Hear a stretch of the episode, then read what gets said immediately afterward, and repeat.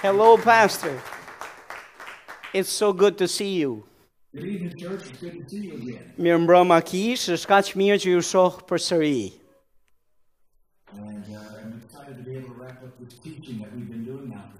E jam shumë i gëzuar që jemi, kemi ardhur në pikën ku mund të bëjmë përmbledhjen e mësimeve që kemi qenë duke mësuar për tre javët e kaluara. Hopefully you remember we talked about baby stage Christianity, little child stage and young man stage. Shpresoj që mbani mend tre fazat e para të ecjes tonë të besimit, foshnje, fëmijët e vegjël edhe të rinjtë në besim.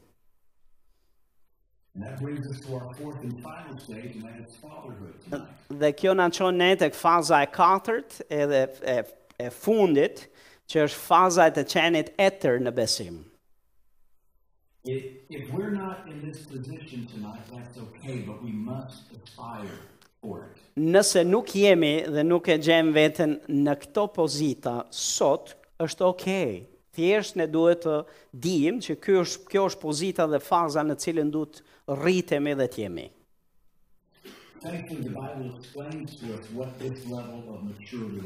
Faleminderit Zotit, fjala e Perëndisë na e bën të qartë se si duken etërit, cilësitë e tyre. So let's begin in 1 Corinthians chapter 4. Kështu që le të shkojmë tek e para e Korintasve, kapitulli 4.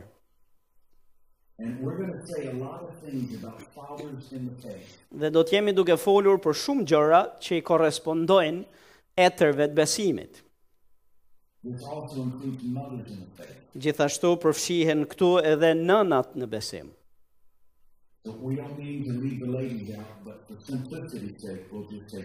Domethënë, kur themi etërit në besim, nuk është se po përjashtojmë gjininë femërore, gratë, Dakord, po do jetë më e thjeshtë që të themi etërit.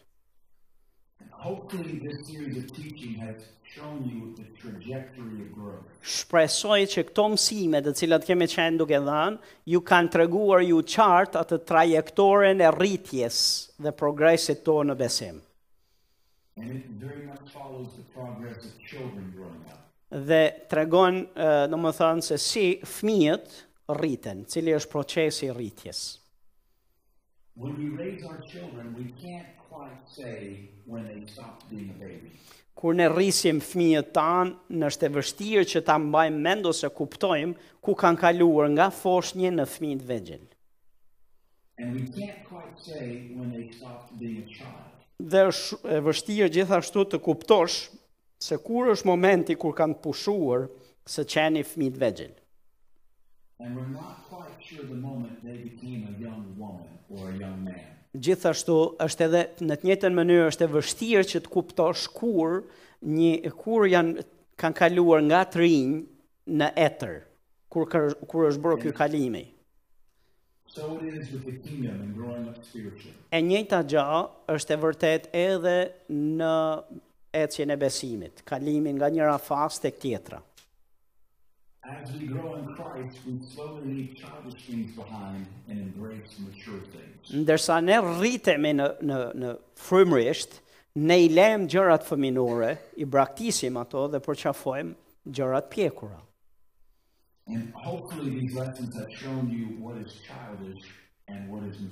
Dhe shpresoj që qartësisht deri tani është e dukshme se çfarë janë gjërat fëminore, prej të cilave duhet të ndahemi dhe të përqafojmë gjërat e pjekura.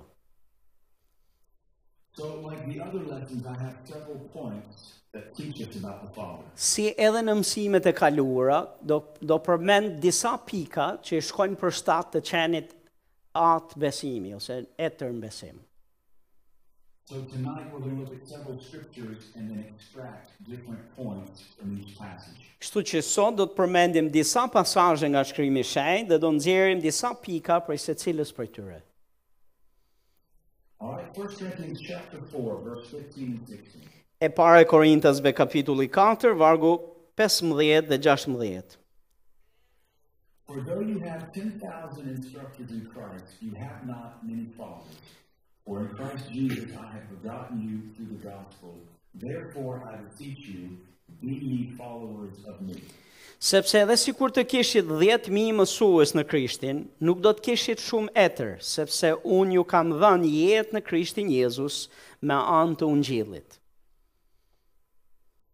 One of the things we see right away from this passage is that there are not many fathers in the kingdom. Një gjë që ne shohim qartësisht në këtë shkrim është se nuk ka shumë etër në mbretërinë e Perëndisë.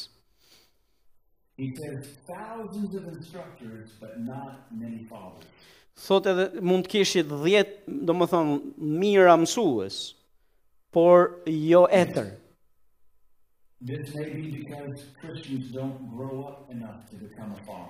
Kjo ndoshta edhe për arsyen se të krishterët nuk rriten sa të vinë në këtë pikë pjekurie. So unfortunately we don't have many fathers in the kingdom. Kështu fatkeqësisht në në mbretërinë e Perëndisë nuk kemi shumë etër. Nuk kemi shumë nëna frymërore në mbretërinë e Zotit.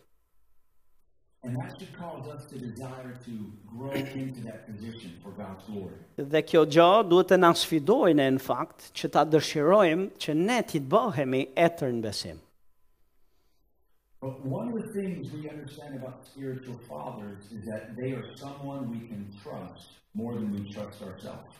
Po, një gjë që mund ta themi për etrit është se është dikush të cilin ne mund ta mund t'i besojmë më shumë se sa që i besojmë vetes. Fathers and mothers of the faith have a lot of knowledge and experience in the kingdom. Etrit uh, ose nënat në besim kanë shumë eksperiencë, shumë më tepër eksperiencë në mbretërinë e Perëndisë dhe njohuri të fjalës. Prandaj edhe mund t'u besosh atyre më shumë se sa që i beson vetes tënde. Kështu që do të shohim këtu pikën e parë.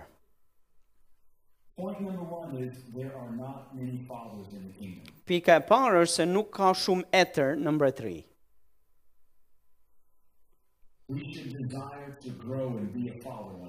Ne duhet të dëshirojmë që të bëhemi etër një ditë.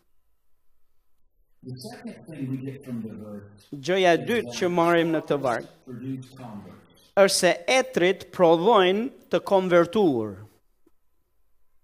Prodhojnë foshnja në besim me pak fjalë.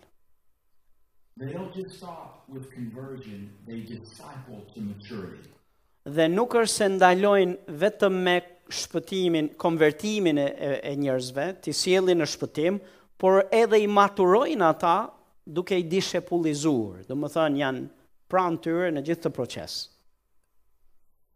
Evangelism is relatively easy. It's a prayer that converts a sinner. Ungjillizimi relativisht është i lehtë, po është lutja që i konverton njerëzit.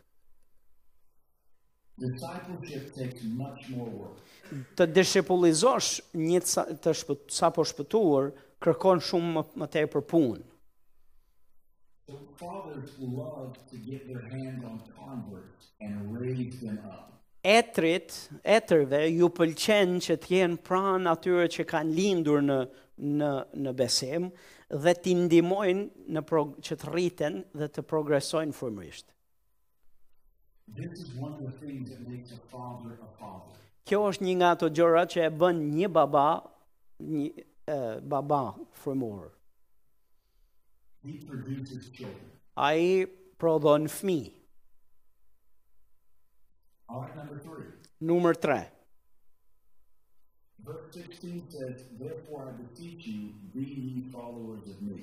Vargu 16 thotë, prandaj thotë ju bëj thirrje të bëheni imituesit e mi.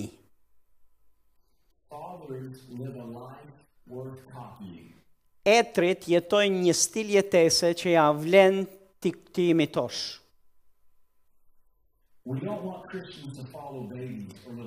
Ne nuk duam që të krishterët të ndjekin foshnje në besim, ose fmijë të vegjël.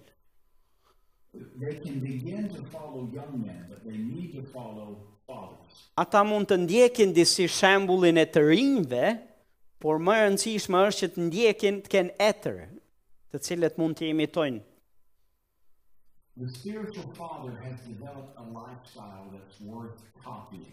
Një baba frymëror ose etërit frymërorë kanë zhvilluar një ecje frymore që ia vlen ta imitosh. When you look at the spiritual father or the spiritual mother, you should want to be like they are. Kur ti shikon një baba apo nënë frymore, ti do të doje, do të dëshiroje që të kishe një ecje e një jetë si ata. Their marriage is biblical. Their health is biblical. Their children behave biblically. Martesa e tyre është biblike, uh, shëndeti i tyre është biblik, fëmijët e tyre janë të shëndetshëm e të rritur biblikisht. Their whole life has become an epistle worth reading and following. E gjithë jeta e tyre është një letër, uh, një letër e shkruar e që prezantuese e Biblës. Që ia Ata jetojnë një stil jete të atillë që ti e di, që po, po i imitove dhe ndoqe shembullin e tyre, ti e di se do t'i pëlqesh Perëndisë.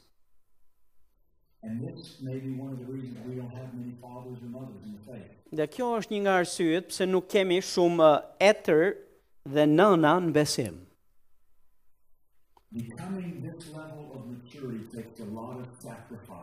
Sepse të vish në këtë nivel frymëror kërkohet shumë sakrificë. Amen. Amen. Le të shohim të parën e Gjonit, kapitulli 2. Dhe këtu ne do shohim pikën numër 4. E para e Gjonit, kapitulli 2. Vargu 13. It reads, I write unto you fathers because you have known him that is from the beginning. Etër ju shkruaj sepse ju e keni njohur atë që është që nga fillimi. Vargu 14, në fillim të këtij vargu, thotë ekzaktësisht të njëjtën gjë.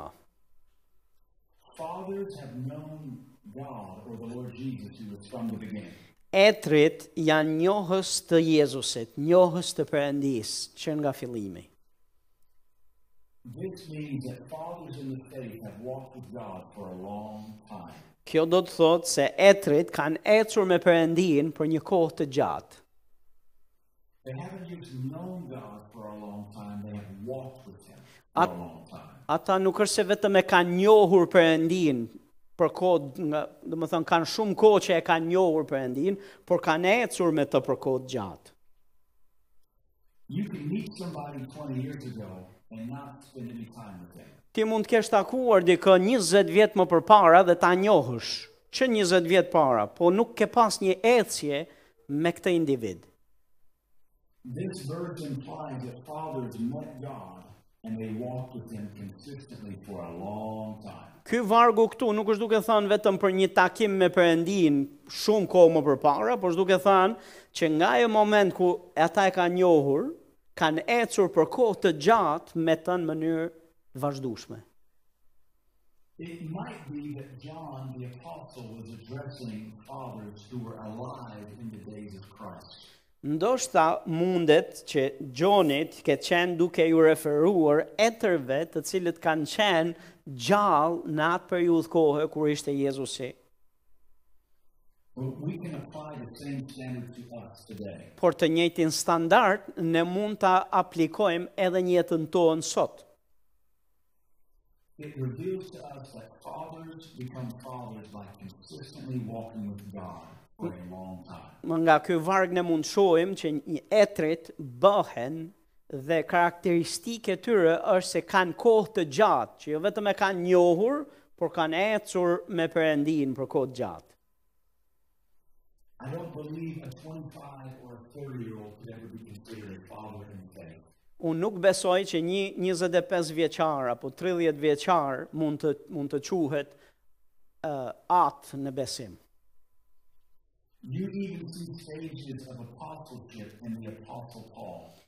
Kur ti kur flasim për uh, rolin apostolik të Palit, ti shikon që edhe ai pati ato hapat e veta para se të bëhej apostull. History teaches us that Paul converted to Christianity at the age of about 25.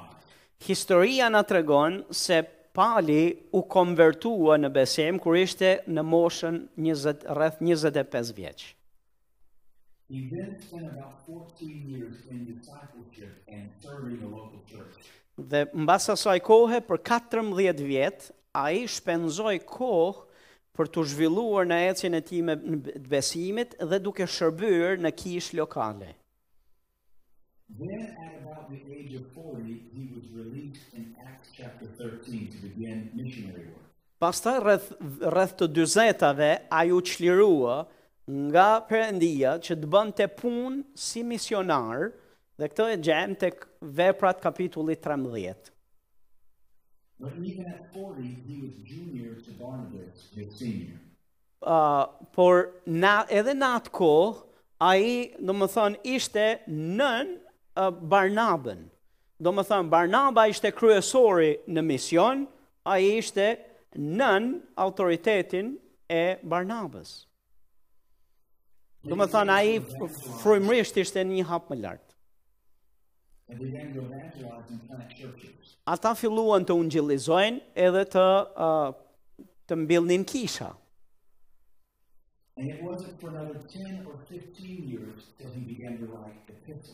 Domethënë dhe nuk është, domethënë u deshën nja 10 apo 15 vjet mbas këtij momenti, që ai pastaj filloi të shkruajë letra për kishat. We see in those epistle writing the promotion of God into full apostleship. Dhe ti mund shohësh tek letrat që ai shkruan, ti mund të kuptosh dhe shohësh se si progresivisht Perëndia e lartësoi atë në në uh, në pozitën e tij apostolike në në plot, plotësisht në kapacitetin e tij plotë. You see Paul follow our same pattern. Po do ta shihni që Pali kaloi të njëjtin shteg si si ne frymërisht. Ishte foshnje. Ishte foshnje në besim.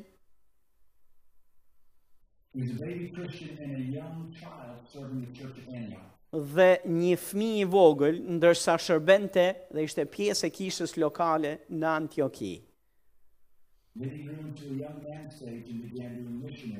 Pastaj u bë i ri, ishte në fazën e tij të qenit i ri në besim. Kur them i ri, në fazën e rinisë, në besim frymërisht flasim dhe shkoi duke bërë punën si misionar. Dhe kur ai filloi të shkruajë letrat apostolike, atëherë ai hyn në këtë fazën e të qenit atë i besimit.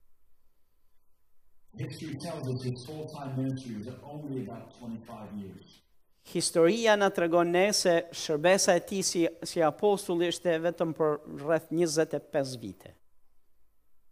The point is you see the apostle Paul have to grow in stages just like we do. Ajo çfarë jam duke thënë në fakt po po theksoj faktin që edhe vetë apostulli Pal kaloi këto fazat e rritjes dhe progresit të tij frymor si ne, që duhet të kalojmë. We often think he got saved on the road to Damascus and then that night wrote the Roman epistle. Edhe shumë herë në mendjet e njerëzve është ajo e krijuar ideja që në uh, ditën që uh, ishte në rrugën për në Damask sapo u konvertua, menjëherë ditën e nesërme ai hyri në shërbesë. Dhe po shkruante, shkroi letrën e romakëve që menjëherë.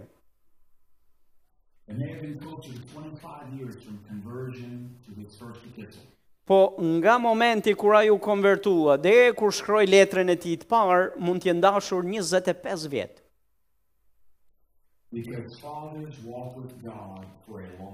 Sepse etërit ecin me Perëndinë për një kohë të gjatë. Amen. A ka kuptim kjo që jeni duke dëgjuar? Amen. Ne të gjithë duhet të jemi të frymëzuar që të bëhemi etër dhe nëna në besim një ditë.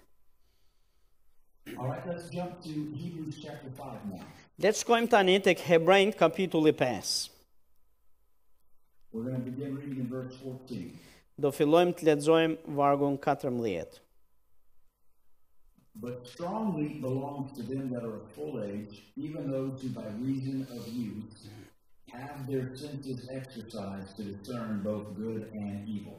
Kurse ushqimi i fortë është për të rriturit, të cilët nga përvoja i kanë të zhvilluara vetitë për të dalluar të mirën edhe të keqen.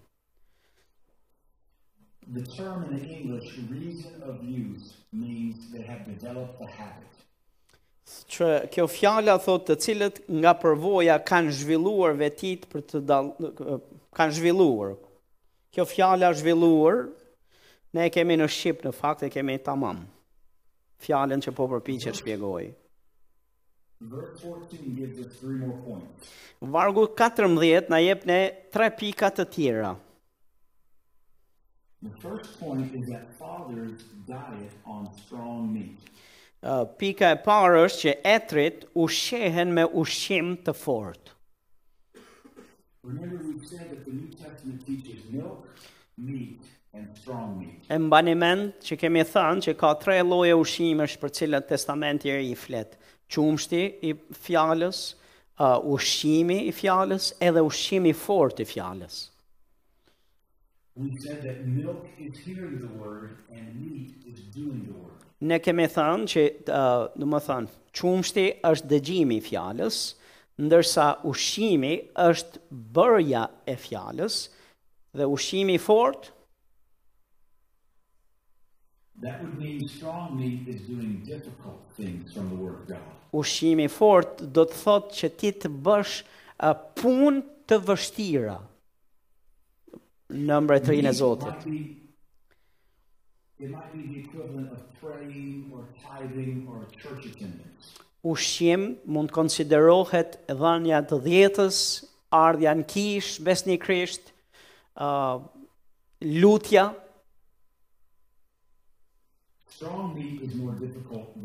Ndërsa ushqimi i fortë, ushqimi i fortë është më është një nivel më i lartë se sa kaq.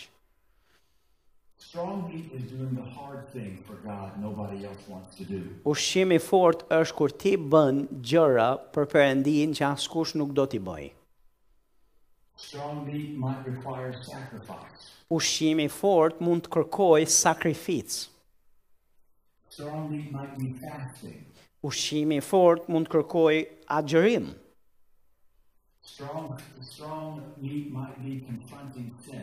Ushqimi i fortë do të thotë që ti të konfrontosh mëkatin.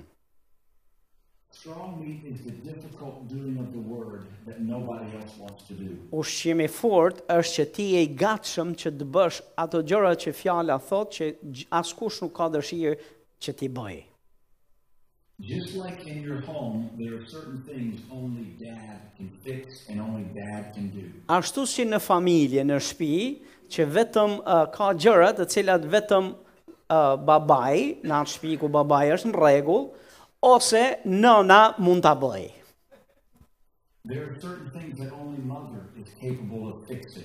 Ka ca gjëra të cilat vetëm nëna mund t'i mund t'i zgjidhë. Sepse asaj i është dashur që t'i zhvillojë ato shqisa që t'i bëjë ato gjëra.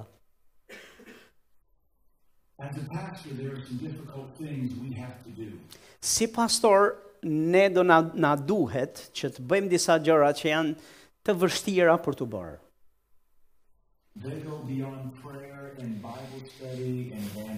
Janë ca gjëra që janë më shumë përtej lutjes, përtej ungjillizimit, përtej predikimit. Por ne e dijmë që janë detyra të cilat duhen bërë, edhe pse janë të vështira. Numër 6. Fathers have a habit and custom of using the word. Etrit e kanë, uh, domethënë, është zakoni i tyre, që të përdorin Fjalën e Zotit. Ata për, domethënë, përdorin fjalën e Zotit për zhvillimin e shqisave të tyre.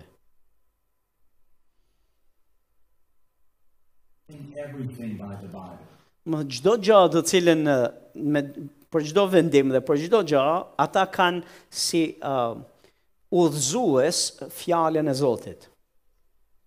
They're so full of the Bible, they can make a decision for everything based on scripture. Ata janë kaq shumë plot me Biblën, me fjalën e Zotit, sa për çdo vendimmarrje, ata çdo për çdo vendimmarrje kanë Biblën si busull dhe me anë të Biblës marrin vendimet. I once heard about a man of God who studied proverbs every day. Uh, kam dëgjuar një herë për një njeri i Zotit që lexon te proverbat çdo ditë. He was so full of proverbs, he never made a decision without being able to quote a proverb. Ai ishte aq shumë plot me proverbat ose fjalët e urta që janë në Bibël, saqë asnjëherë nuk merrte naj vendim në qoftë se nuk kishte një proverb që ia mbështeste vendimin. He discovered that the book of Proverbs had wisdom for any decision you would ever have to make. Ai zbuloi që fjalët e urta kanë përgjigjen për çfarëdo lloj vendimi që do duhet të marrësh.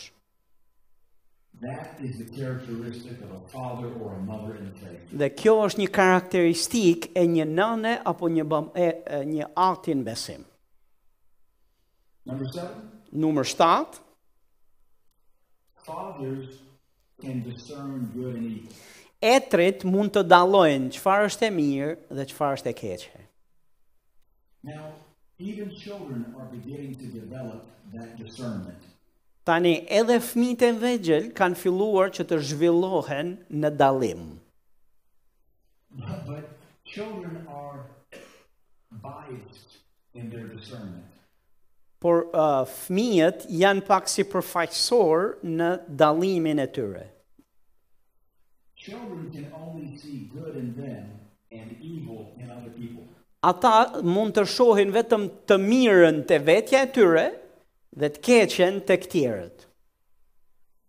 One of the signs of deep maturity is that you can see both good and evil in yourself. Një nga shenjat e të qenit i pjekur në besim është kur ti arrin të dallosh dhe të mirën dhe të keqen te vetja jote. Remember Paul could see that he was wretched and it it hurt his heart. E mbani mend që Pali dalloi uh, gjendjen e tij. I mjeri unë, tha. Dhe e dalloi edhe ku ishte mirë dhe ku nuk ishte mirë. He didn't just rebuke the sins of his churches, he rebuked himself too. Ai nuk është se vetëm qortoi mëkatet e kishës e të tjerëve, po qortoi edhe vetë veten e vet. So fathers have developed their senses to be able to even see what's wrong in their own life. Etrit kanë zhvilluar shqisat e tyre të dallimit për të kuptuar dhe njohur dhe vetë gabimet e tyre. And when you can see evil in your own life, it's easier to have mercy on others. Dhe në qoftë se ti arrin të dallosh të keqen tek vetja jote, do të jesh më i mëshirshëm ndaj tjerëve. Amen. Amen. Let's turn to uh, Titus chapter 2. Le të shkojmë tek Titi kapitulli 2. Titus chapter 2. Titi kapitulli 2.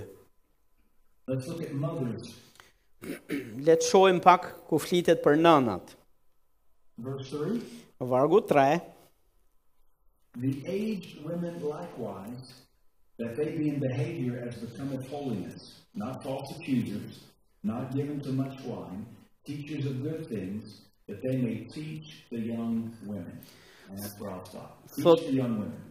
Thotë gjithashtu thotë edhe gratë e moshuara të kenë sjellje ashtu si u ka hije shenjtoreve, jo shpifse, jo robi, robinja ndaj verës së shumtë, por mësuese të së mirës, që t'i mësojnë të rejat të du, t'i mësojnë të rejat të duan burrat e tyre me radhë. Spiritual mothers are always looking to impart into the young women. Nënat frymore gjithmonë janë duke duke kërkuar për uh, vajza apo gra të reja tek të cilat mund të impartojnë nga vetja. T'japin. Dhe këtu nuk po them që t'ju profetizojnë atyre. Sepse kjo mund të kalojë komplet jashtë e mund të dalë jashtë shinave. Ky pasazhi këtu është duke folur për dishepullizim.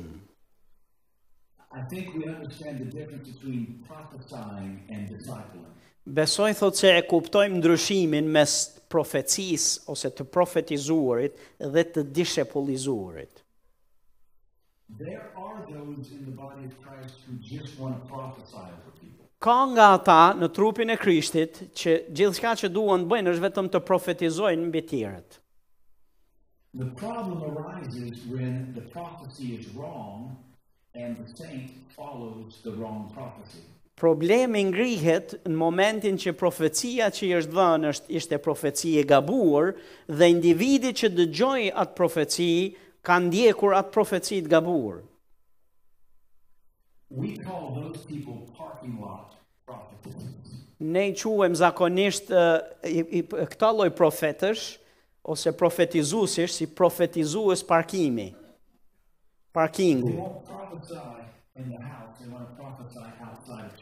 Atyre s'para ju pëlqen që të profetizojnë në shpi, po ju pëlqen te parkimi ta bëjnë këtë. That is not a sign of spiritual motherhood. Kjo është një shenjë e të qenit nënë. A spiritual mother doesn't stop helping in the parking lot. Uh, një nënë frymore nuk ndalon së ndihmuari, uh, si në shpi si jashtë shpie. a spiritual mother wants to disciple and help make the home and help train the young lady. Një nënë frymore përpiqet që të trajnojë gratë e tjera se si të jenë, se si të maturohen frymërisht. A true mother is not selfish or competitive. Një nënë e vërtetë nuk është egoiste dhe nuk është rivalizuese. She's looking to teach the young women how to succeed at life. Po po përpiqet që të ndihmojë të rejat se si të kenë sukses ato në jetën e tyre. She wants to help the next generation avoid her own mistakes. Ajo do që brezi i ri pas saj të shmangë gabimet e veta.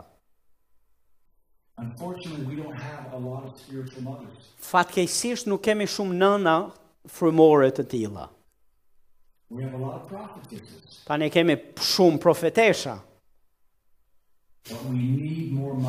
Po ne na duhen më shumë nëna. Amen. Amen. E dyta e Korintasve,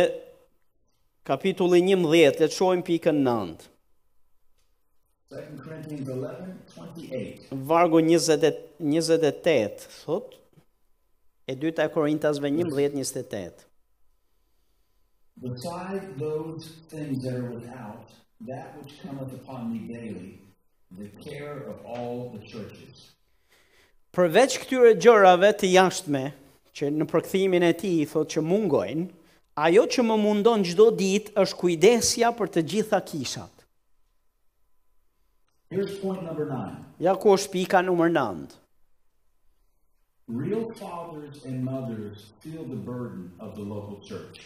Uh, nënat dhe baballarët e vërtetë e ndjejnë janë të munduar nga barra e kishës, tek, nga gjendja frymore e kishës. Me thanë, kjo gja uh, i mundon për mirë. Just, just like mom and dad are always worried about the bills and food and the children. Ashtu, ashtu si prindërit janë të përgjegjshëm dhe marrin përgjegjësi, kujdesen për fëmijët, për familjen, për pagesa faturash, për mbajtje përgjegjësish të tilla që çdo gjë të shkojë e funksionojë si duhet. Në familje, kështu mm. është edhe në kishë.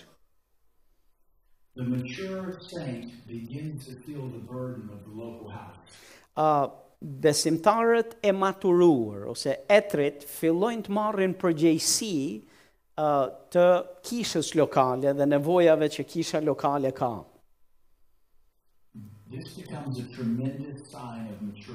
Dhe kur ti shef një gjë të tillë, kjo është një shenjë e fortë pjekurie. Babies don't appreciate what it takes to pay the bills. Foshnjat as që as që janë të vetëdijshëm se ka fatura një herë që paguhen. Jo më të jenë mirënjohës apo të bëjnë marrin përgjegjësi për këtë gjë. Little children don't appreciate what it takes to keep things organized. As fëmijët e vegjël nuk është se janë vlerësues se sa shumë mund e punë duhet që të jenë gjërat e mirëorganizuara dhe të funksionojnë si duhet. Children don't understand what goes on behind the scenes. Fëmijët nuk janë të vetëdijshëm se çfarë ndodh mbas skenës.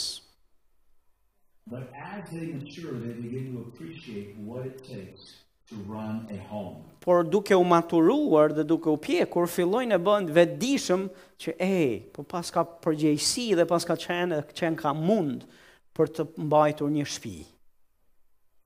So spiritual fathers and spiritual mothers work hard to build the local house. A prindërit frymorë, një nënë frymore apo baba frymor punojnë fort në mënyrë që kisha lokale, shtëpia e Zotit të mirëfunksionojë dhe të rritet. Their heart and their faith feels the burdens of the local church. Zemra e tyre dhe besimi i tyre është i lidhur me gjendjen frymore të kishës. They don't come late and leave early. Ata nuk janë nga nuk janë që vijnë herët, më falni, vijnë vonë dhe ikin herët. They come early and they leave late. Ata vijnë herët edhe ikin vonë. This is a sign of maturity. Dhe kjo është një shenjë pjekurie. Galatasit kapitulli 4. Le të shohim, shohim edhe dy atribute të tjera të etërve. Dy shenja të tjera të të një maturie apo pjekurie të plotë. Galatasit kapitulli 4 vargu 19. Paul said, My little children, of whom I travail in birth again until Christ be formed in you. I desire to be present with you now and to change my voice, for I stand in doubt of you. Thot djemt, djemt e mi, që un i lind për sëri, derisa të formohet Krishti në ju. Do të doja tashti të isha midis jush dhe ta ndryshoja tingullin e zërit tim, sepse jam ndërdyshas ndaj jush. One of the signs of a father is he works hard to keep his convert looking like Jesus. Një nga gjër karakteristikat e një ati frymor është që punon fort dhe është i kujdesshëm që të sigurohet që të konvertuarit nën shërbesën e tij të maturohen dhe t'i ngjajnë Krishtit. He accomplishes his work through discipleship and prayer. Ai e realizon këtë këtë qëllim me anë të dishepullizimit edhe lutjeve.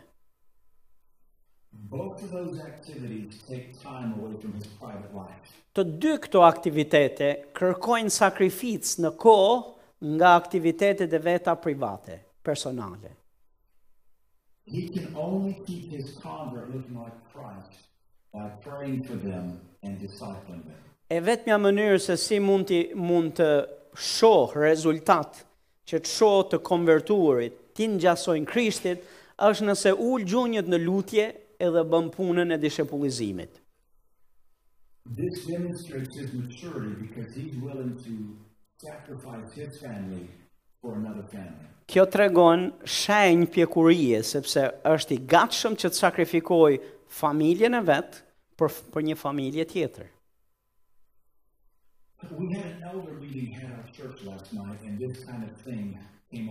Mbrëmë, thotë, kishim një takim uh, me pleqtë e kishës tonë, thotë, dhe doli pak kjo gjëja që po flasim. My elders were reporting to me some of the issues we're having within the church family. Thotë, Pleqtë e kishës time po më raportonin dhe më tregonin disa nga sfidat që kemi në, ki, në, në familjen e besimit, në kishë.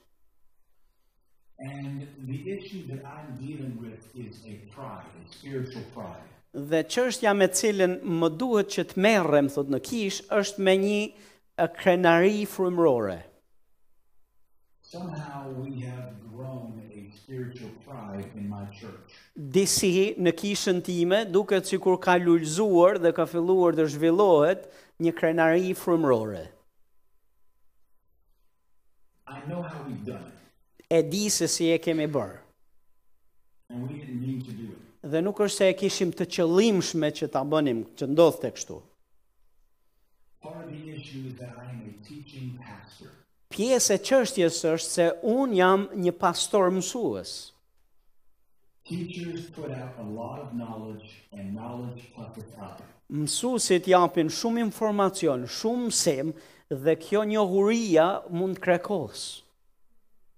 So that built one flavor of pride in my people. Dhe dhe kjo njohuria që kanë dëgjuar, disi ka zhvilluar këtë shijen e kre, e të qenit krenar. The other issue is I'm preaching hard against the compromised church. Një gjë tjetër për të cilën jam kam qenë duke mësuar fort në kishë është që të jemi, uh, domethënë, të ngrihemi kundër një kishe kompromentuese. And so our members can see we're not compromised. Kështu që anëtarët e kishës time disi në mendjen e vet kanë menduar dhe mendojnë Që automatikisht pse flasim në këtë mënyrë, ne jemi të pakompromis. Ne nuk jemi kisha e tillë. Dhe kjo është një tjetër lloj krenarie. That's the pride of superiority. Kjo është të qenit, një të qenit superior.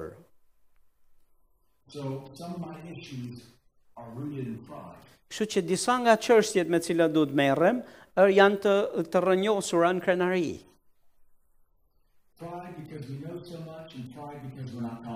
Krenaria se ne një dim shumë edhe krenaria se ne nuk jemi kishë kom, e komprometuar. si ata të tjerët. Dhe krenaria në çdo, në çdo rast është e papranueshme. So I've got to now come back and re-surveil to humility presented in my people. Kështu që tani mua më duhet që të kthehem në kishë edhe t'i referohem rëndësisë së përulësisë edhe të qenit uh, të përulur me pak fjalë. I can see where my congregation is wrong and I've got to help them. Unë mund ta kuptoj se si uh, kisha, familja e besimit ka shku është duke shkuar në një në një në një këndvështrim, është duke shkuar në një rrugë të gabuar dhe më duhet t'i ndihmoj që të balancohen dhe të vinë në rrugë. It's one thing to be able to discern the error, it's another thing to want to help fix it. Edhe është një gjë që ti të arrish të dallosh se ku është gabimi dhe është një gjë tjetër që ti t'i përvishesh punës që ta korrigjosh atë gabim. Fathers don't just see the error, they're committed to helping fix it. Etërit nuk janë vetëm dallues të gabimeve, por i përvishen punës dhe ndihmojnë në korrigjimin e atyre gjërave. Dhe kjo kjo ishte pika numër 10, tani është pika numër 11. Paul said, I desire to be with you right now. Pali thotë, unë do të doja të isha midis jush tani.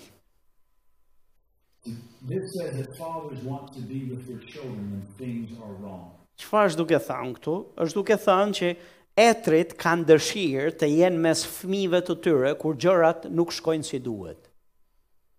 Remember fathers and mothers don't just see what's wrong, they want to help fix it. E mbani mend, një, një baba frymor apo një atë i mirë nuk është se vetëm vëzhgon se si nuk po ecin gjërat dhe nuk bën asgjë për këtë, por hyn i përvishet punës dhe do do të japë zgjidhje. Seeing what's wrong in a person is often very easy, but are we committed to helping them fix it? Thotë të dallosh që ka gjëra që nuk shkojnë me jetën e të tjerëve, thotë shpesh herë është e lehtë ta dallosh këtë gjë. Ku është e vështirë është që ti të shkosh në krah të tyre, t'i ndihmosh që të rriten e të ndryshojnë. Mature Christians are committed to making the sacrifice necessary to see restoration. Të pjekurit, të maturuarit në besim janë ata që marrin përgjegjësi mbi vete, punojnë fort në mënyrë që të shohin ndryshim. So fathers want to be present to be able to check on their children. Domethënë, etërit kanë dëshirë që të jenë të pranishëm dhe të sh të vëzhgojnë jetën e fëmijëve të tyre nga afër dhe t'i ndihmojnë ata. Duan, domethënë, kanë dëshirën që t'jenë pranë tyre që edhe t'i inkurajojnë, po nëse është e nevojshme edhe t'i qortojnë ata. Fatkeqësisht, thot, jo çdo fmijë e dëshiron këtë lloj vëmendje. Not every sheep wants the rod of correction. Jo çdo deleje i pëlqen thupra e korrigjimit. And unfortunately you have to leave those children to their devices. Edhe fatkeqësisht këta fëmijë do duhet që ti t'i dorëzosh uh, gabimeve të tyre.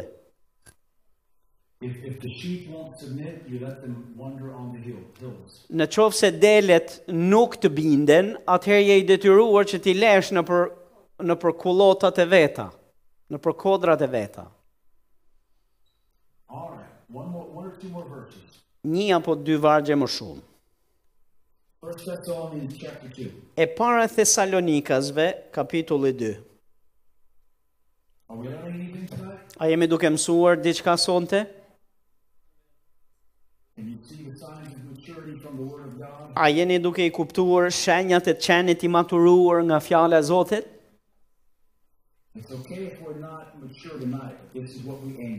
Në qoftë se sonte nuk jemi në këtë nivel, është në rregull për sa kohë ne jemi duke bërë progres për t'u rritur te ky nivel.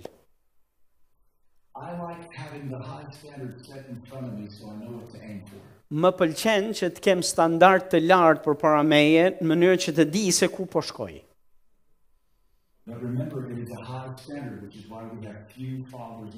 Por mbani mend që është standard shumë i lartë, prandaj kemi shumë pak etër.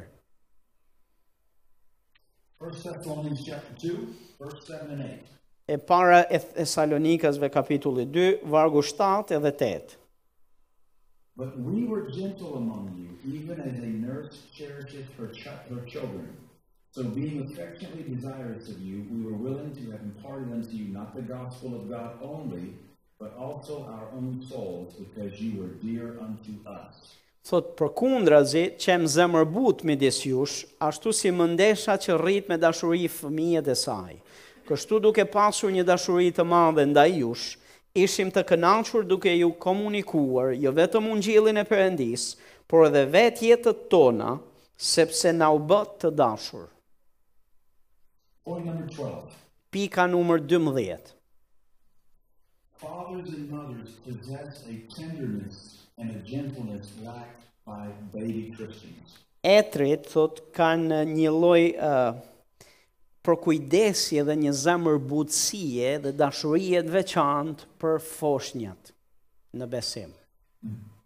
They have developed a true parent's love for the saints. Kanë zhvilluar një dashuri prindërore të vërtetë për shenjtorët e Zotit. They're not rude or bossy or arrogant. Nuk janë arrogantë apo uh, uzurpues edhe të pasjellshëm ndaj ndaj shenjtorëve të Zotit. They truly see their converts as children they're responsible for.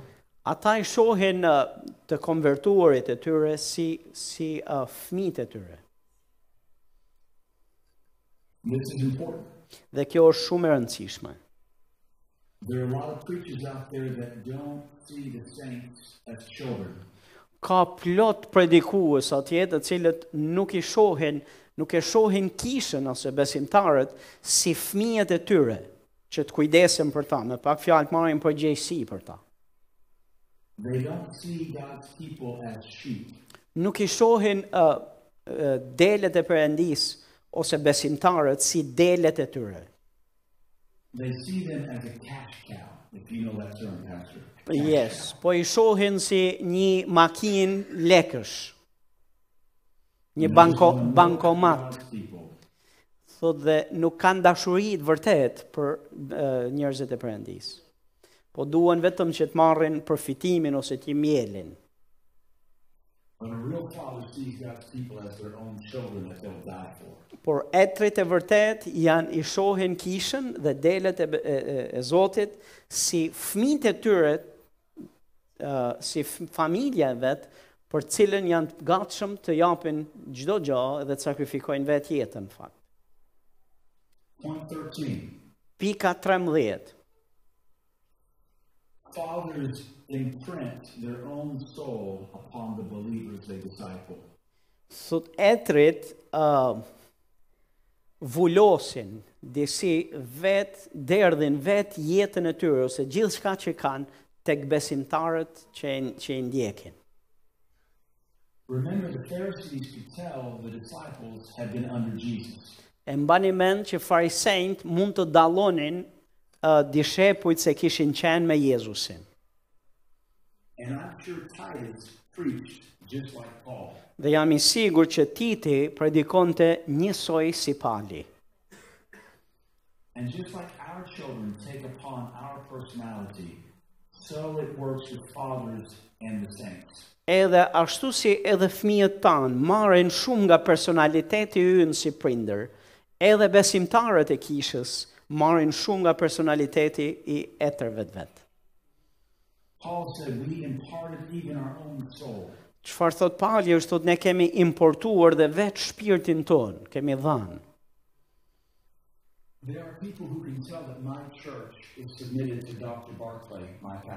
Ka njerëz të cilët mund të dallojnë njerëzit e kishës time se sa të nënshtruar ndaj doktor Mark Barkley, që është pastori im, thotë. Ata janë të nënshtruar ndaj tij.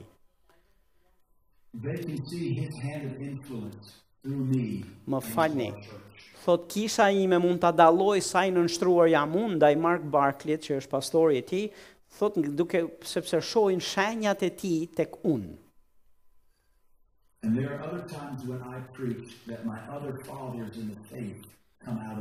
Dhe ka herë të tjera, kur unë jam duke mësuar a predikuar në kishë, që ka dhe etër të tjerë që kanë lënë gjurmët e tyre dhe ndikimin e tyre në mua që dalin dukshëm në shërbesë. And I'm sure you could tell whose churches belong to Paul. Dhe jam i sigurt që mund të dalloje se kush kisha i përkisnin Palit.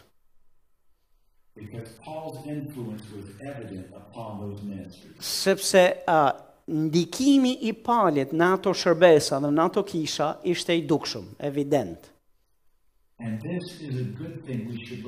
Dhe kjo është një gjë shumë e mirë të për cilën ne duhet ta dallojmë dhe ta shohim. Kështu që më lini t'ju bëj pyetjen e parë të vështirë sonte.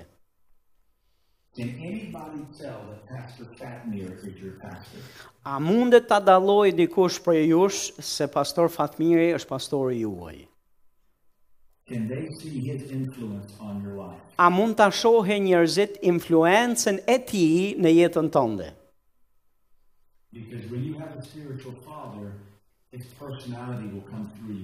Sepse nëse ke një baba frymor, personaliteti i tij do të dallohet, do të dalë në pah herë mbas here. It's a good question to ask ourselves. Është pyetje e mirë që mund t'ia bëjmë vetes. I have people in my church that I do not pastor. Ka njerëz në kishën time që unë nuk i pastorizoj.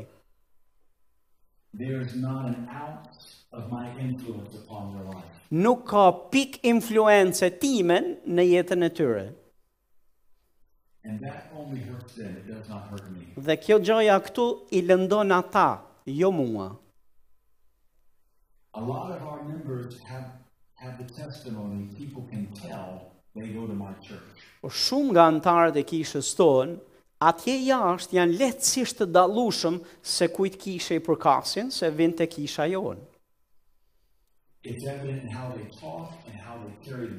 është evidente dhe e dukshme nga mënyra se si flasin dhe se si sillen.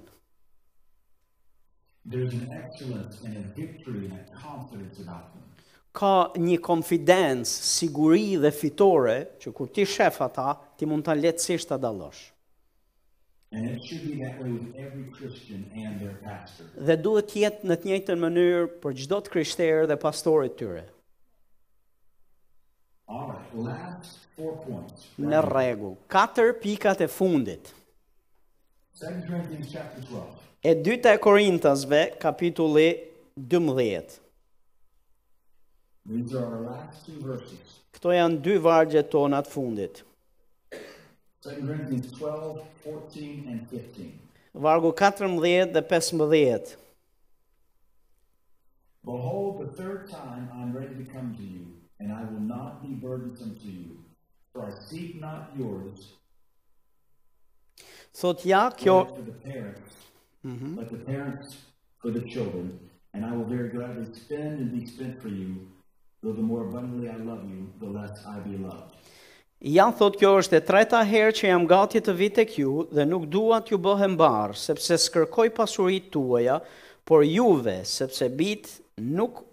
e kanë për detyrë të mbledhin, të mbledhin për prindërit, por prindërit për bijtë. Sa për veten time, unë do të shpenzoj me gëzim dhe do të shpenzohem për shpirtrat tuaj, megjithëse ju dua më fort dhe më doni më pak.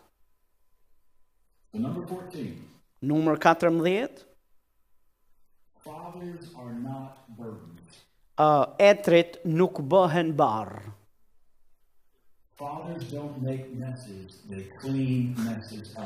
Etërit nuk bëjnë rrëmuja, po i pastrojnë rrëmujat.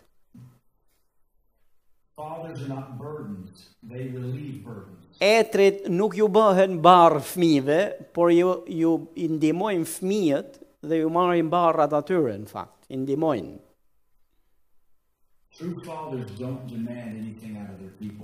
Etërit e vërtetë nuk, domethënë, nuk vendosin kushte të sforcuara për fëmijët, ndaj fëmijëve të tyre, kërkesa të cilat janë të vështira për ta. Po gjithmonë vijnë për t'ju sjellë atyre diçka. Numër 15. Numër 15. Fathers gladly spend for their disciples. Etërit shpenzojnë me gëzim për dishepujt e tyre. They spend their time and their energy and their life. Shpenzojnë kohën e tyre, energjitë e tyre edhe vetë jetën e vet. In that regard, everything a father or a mother does revolves around their children. Dhe kjo është tregues për etërit është se çdo gjë të cilën bëjnë është rreth e rrotull fëmijëve të tyre. Për të mirën e tyre. Point number 16. Pika numër 16. Etërit nuk janë të uh, të marrosur mbas paras. Të fiksuar mbas paras. We have to have it, we have to budget it, but we're not obsessed with it. Lekët na duhet, na duhen, edhe duhet të jemi menaxhues të mirë të tyre, por nuk kemi pse të jemi të fiksuar mbas mbas tyre. Si baba, unë duhet të kem para. Por nuk jua sjell këtë përpara fmijve. Dhe nuk ju, nuk ju marr qera uh, fmijve të mi. Nuk ju, nuk ju kërkoj pagesë fmijve të mi, kur i ushqej ata.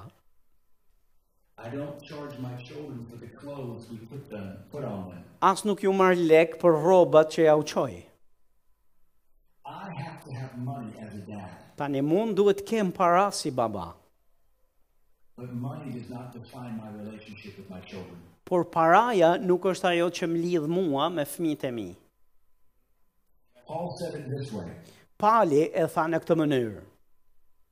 He said, I will gladly spend and be spent for you. Ai tha me kënaqësi të madhe do të shpenzoj dhe do të shpenzohem për ju. Fathers are not interested in money, they're interested in helping the believer. Etërit nuk janë të interesuar për të bërë para, por janë të interesuar që të shpenzojnë për të mirën dhe rritjen frymore të kishës.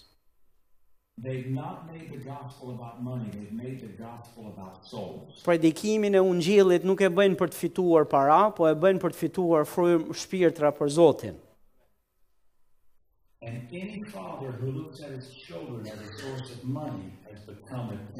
Gjithkush thotë, çdo shërbyes që i vë kushte fëmijëve të vet për pagesa dhe për para, thotë është një tutor. Fathers don't look to their children as a way to make money. Etërit nuk shikojnë nga fëmijët e tyre dhe t'i shohin ata si burim fitimi. për veten e vet. Pali thotë nuk kërkoj gjërat tuaja, po ju kërkoj ju. Final point, number 17. Pika e fundit, thotë numër 17, uh, 17.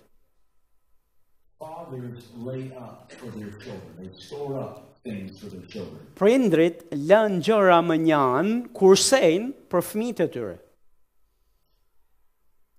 Fathers are preparing for their eventual death. Etërit uh, pregatiten për vdekjen e tyre. And so they make sure the children have everything they need to continue on once the parents are gone. Dhe ata janë aq të përgjegjshëm sa mendojnë që edhe pas ikjes time, ata do të, nuk do t'ju mungojë kujdesja dhe nuk do ju mungojnë gjërat e nevojshme. This might include getting a ministry out of debt. Kjo do të thotë, për shembull, që të nxjerrësh shërbesën nga borxhet. Kjo do ishte një iniciativë. Ma një gjë tjetër është që të trajnosh një pasues tëndin. Të lësh ato instruktimet e fundit.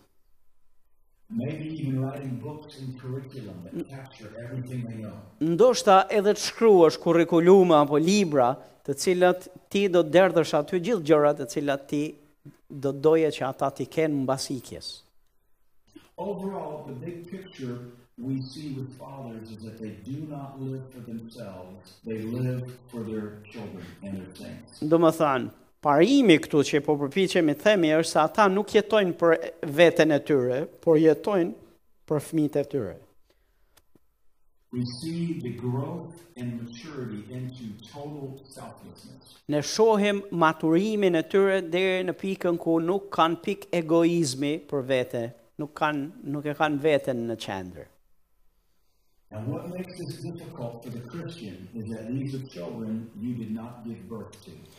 Dhe çfarë e bën të vështirë për çfarë të bën të vështirë për një të krishterë të maturuar në këtë pozita, është se ti do të japësh nga vetja jote për fëmijë të cilët nuk i ke lind vetë. Nuk i ke të lindur fizikisht. You're taking care of God's children as if they were your very own. Po ti po kujdesesh për fëmijët e Perëndisë sikur të ishin fëmijët e tu. Amen. Amen. There are 17 characteristics of fathers and mothers right there. Janë 17 karakteristika të një të etërve, të një babai frymor apo të një nëne frymore që sa i përmendëm.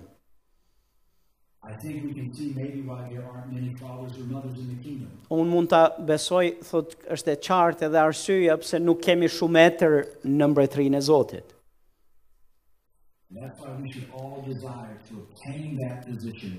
Dhe prandaj ne duhet të synojmë që ne të jemi të vijmë në këto pozita një ditë.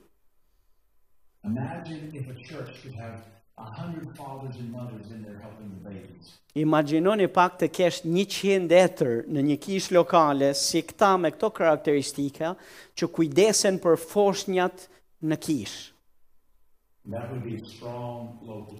Kjo do ta bënte një kishë lokale realisht të fortë. Amen. A ju kanë ndihmuar këto mësime? A keni mësuar naj gjë të mirë gjatë këtyre katër javëve?